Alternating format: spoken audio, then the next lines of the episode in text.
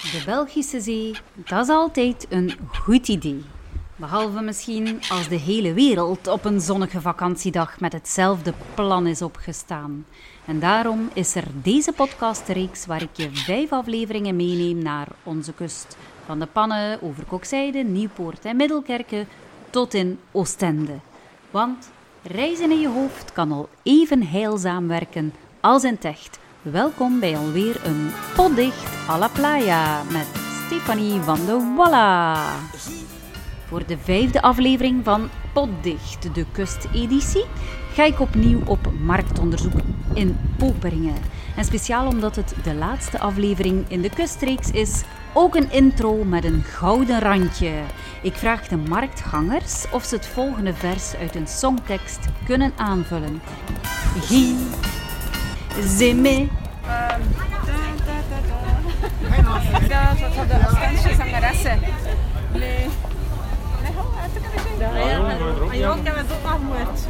Ja. zij, Zij, kapitein. kapitein. Zie je, kapitein? Is er die verborgen camera? Zie je, kapitein? Zie je kapitein? Zie je kapitein? Zie je kapitein. Een zeekapitein, ja. Zie je kapitein? zeekapitein Martine Loes. Nee, een Amsterdam. Ja, maar van wie was dit lied ook alweer afkomstig? Het maakt deel uit van ons universeel muzikaal geheugen. Alleen is het kwestie om op de naam van die legendarische zangeres te komen. En van waar was ze ook alweer afkomstig?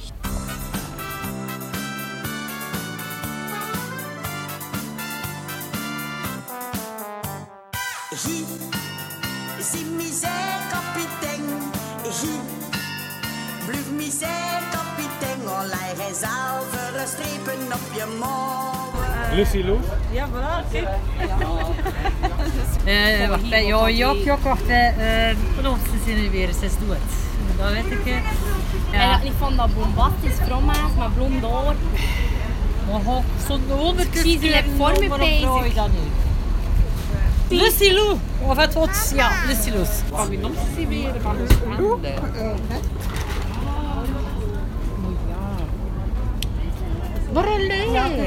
Lucy? Soms kan je niet meer, maar zie je niet te ben. Lucie Loes, ja, zo. Ja. Ja. Is van dingen die dat overleden. Komen nu op haar namen niet. Allee. Oh, ik, ik weet niet van wie dat is, maar uh, allee. Uh, Loes, zit het in? Loes?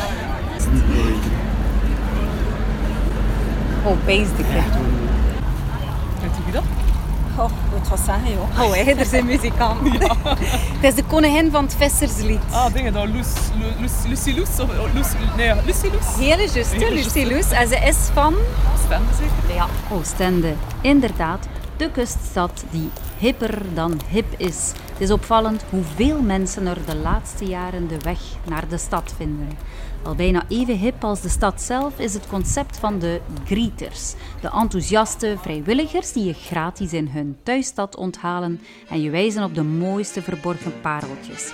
Oostende telt heel wat greeters. En een van hen is Erik de Dekker die ik vandaag ontmoet. Dag Stefanie, goedemorgen. Oostende, Oostende, maar vent komt dat zien. Oostende, Oostende, je valt op je knie. Ik zie Grieter in Oostende, in de stad waar ik geboren ben, waar ik opgegroeid ben, waar ik naar school geweest ben, waar ik scholen gelopen ben, waar ik eh, getrouwd ben, waar ik mijn kindjes had en waar ik mijn kleinkindje had. En, eh, dus een echte, een echte rasechte Oostendenaar. We zijn geen, we zijn geen, geen zonen van de kooien, zeggen ze hier. Dus geen echt van de vissersfamilie. We zijn op ons pensioen gegaan en eh, nu genieten we. En daarom vul ik mijn tijd een beetje met die kriets te doen. Erik is dus geen zeunen van de kooien, om het in zijn eigen bewoordingen te herhalen. Benieuwd over welke karaktereigenschappen een grieter volgens hem beter wel beschikt. Goh, communicatief. Dus ja, een beetje hoeken babbelen. hè. Eh, een mulle van lintje zijn, zijn ze hier in de stand. Sociaal zien. En eigenlijk wel een beetje, alleen vind ik grappig. Heistig, zeggen ze hier. Heistig. Ja, dat klinkt alvast veelbelovend, maar concreet, hoe personaliseer je je rondleiding nu het best, zodat het een geestige bedoeling wordt? Rosse huis te hebben van alles te doen in Oostende, Oostende. De stad waarin dan ik geboren zin.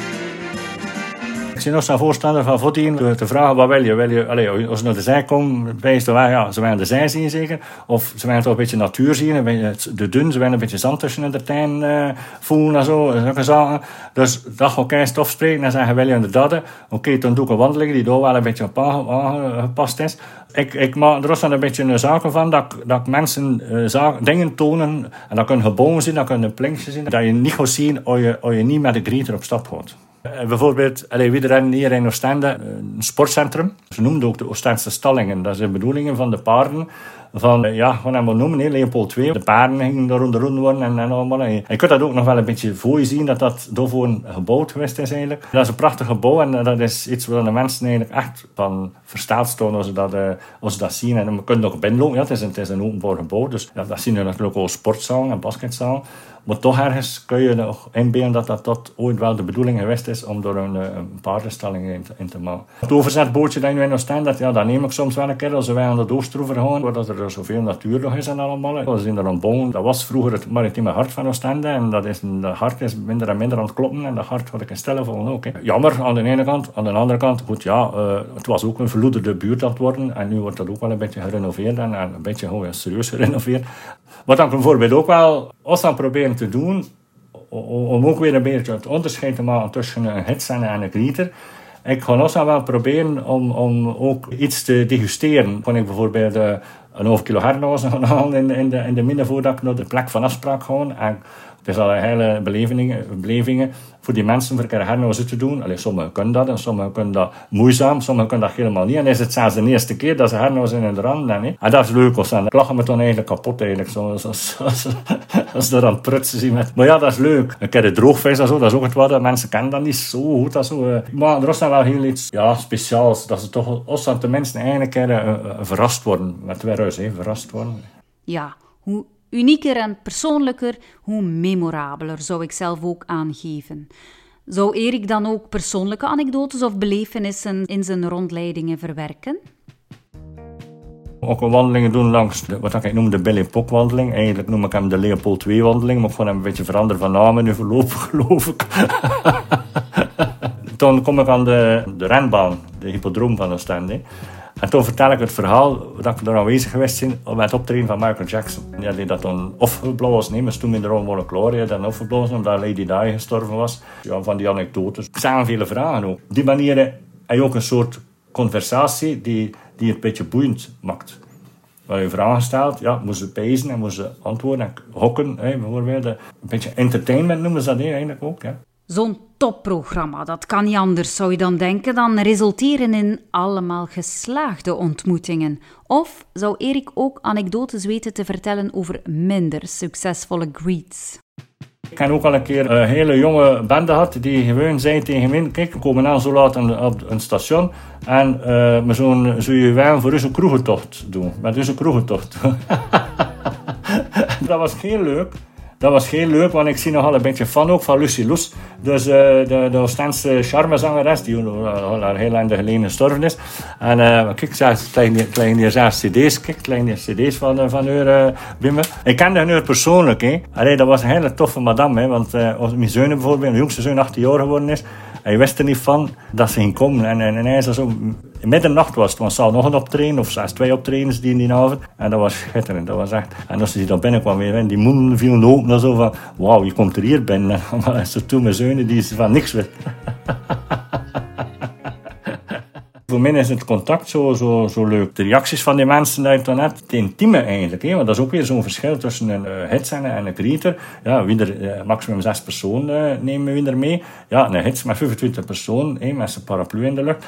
Ja, dat is natuurlijk niet zo intiem en niet zo gezellig. Of je met zessen. dat is het, het leuke. En ik heb nu al besloten dat ik eigenlijk in de de goede beslissing genomen heb. Want dat het spelen voor mij, ik zou dat niet zo leuk vinden. Dat is mij zo onderwijsachtig. Hè. Het zijn ook meest gepassioneerde onderwijzers. Hè. Die hetsen. Mijn pa was ook leerkracht, mijn broer is leerkracht. Ik ben een familie van vele leerkrachten. Hè. Ik heb eigenlijk een slechte ervaringen gehad met mensen van, van, van namen die kwamen. En uh, het worden ook leerkrachten, ze zijn dat ook direct. En ze worden zodanig bezig met hun eigen en babbelend in hun eigen. Dat is eigenlijk geen, geen oor aan voor, voor min vertellen En dat ze eigenlijk redelijk ongeïnteresseerd overkwamen en zo en allemaal. En ook, ook bijvoorbeeld, ja, want dat is dan in Frans, omdat ze dat vragen in Frans. En kan ik wel een beetje Frans, maar dat is nu niet voor te zeggen dat ik... Uh, alleen, soms moet ik ook mijn woorden zoeken. Er was er een soort onwel voor mijn taten. Zo. Toen los ik dat ook op en toen pak ik de korsten weg weer. En toen zei ik, het is genoeg geweest. Het meest kenmerkend aan Oostende moet wel het eigenzinnige of sappige dialect zijn. Of Erik zelf ook die machtige, tolenmachtig is, vraag ik hem. Maar ja, ja, maar hetgeen dat ik uh, klap nu is eigenlijk uh, nog niet echt het proces van de kooi. Dus uh, die mensen die sterven nu tegen nu, dat zijn echte vissers en allemaal. Ik heb nog een tante gehad, die mensen ook al een paar jaar gestorven. En dat was echt, ik ging daar naartoe voor de torenbabbel. Dat was echt, echt ja, een visbuffet, dat we zeggen. Dat is passant of zo. Weet je, een beetje rechter voor de raap. Op het af van toch wel een beetje, een beetje plat, toch een beetje zo dat je zo beschaamd wordt als je in je gezelschap ergens weer gedachte is. Erik groeide dus op in Oostende, een stad aan zee, maar als je erop groeit, zou die zee dan ook nog steeds die befaamde aantrekkingskracht blijven uitoefenen? Dat vraag ik me af.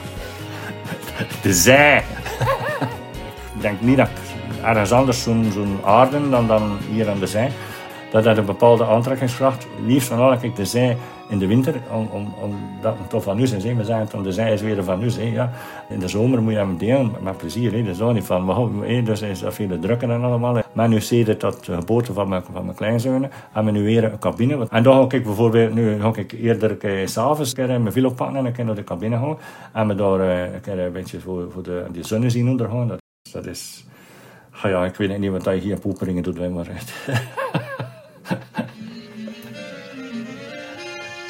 En dan is het alweer tijd voor mijn vaste slotvraag, omdat het nooit kwaad kan om eens goed reclame te maken voor jezelf. Ook aan Erik vroeg ik waarom toeristen uitgerekend bij hem een griet moeten boeken. Hier komt zijn antwoord. Wel, dat is nu eigenlijk niet zo moeilijk, want ik ken er zo een beetje een leuze. En dat is, mensen, als je hinderwijl de stad bezoeken, dan moet je een hits nemen. En wil je een stad beleven, dan boek je beste grieter. Want de creator zie je zaken en beleef je zaken dat je met hits nooit gaat beleven. Oostende, Oostende, schone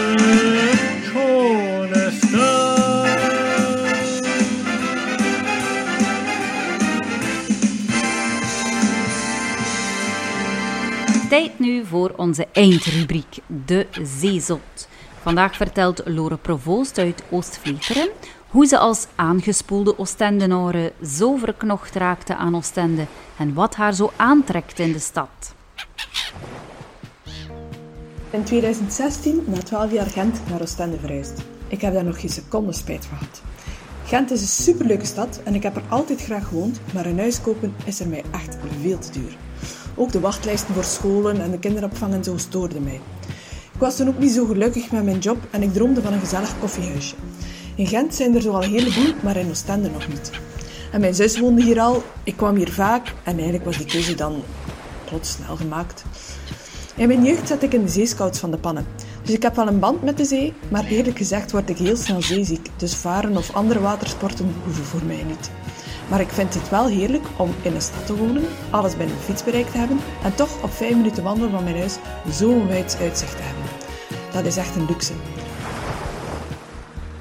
Het stadsteven kan heel benauwend zijn, maar hier heb ik daar geen last van, al mag er wel wat meer groen in het straatbeeld.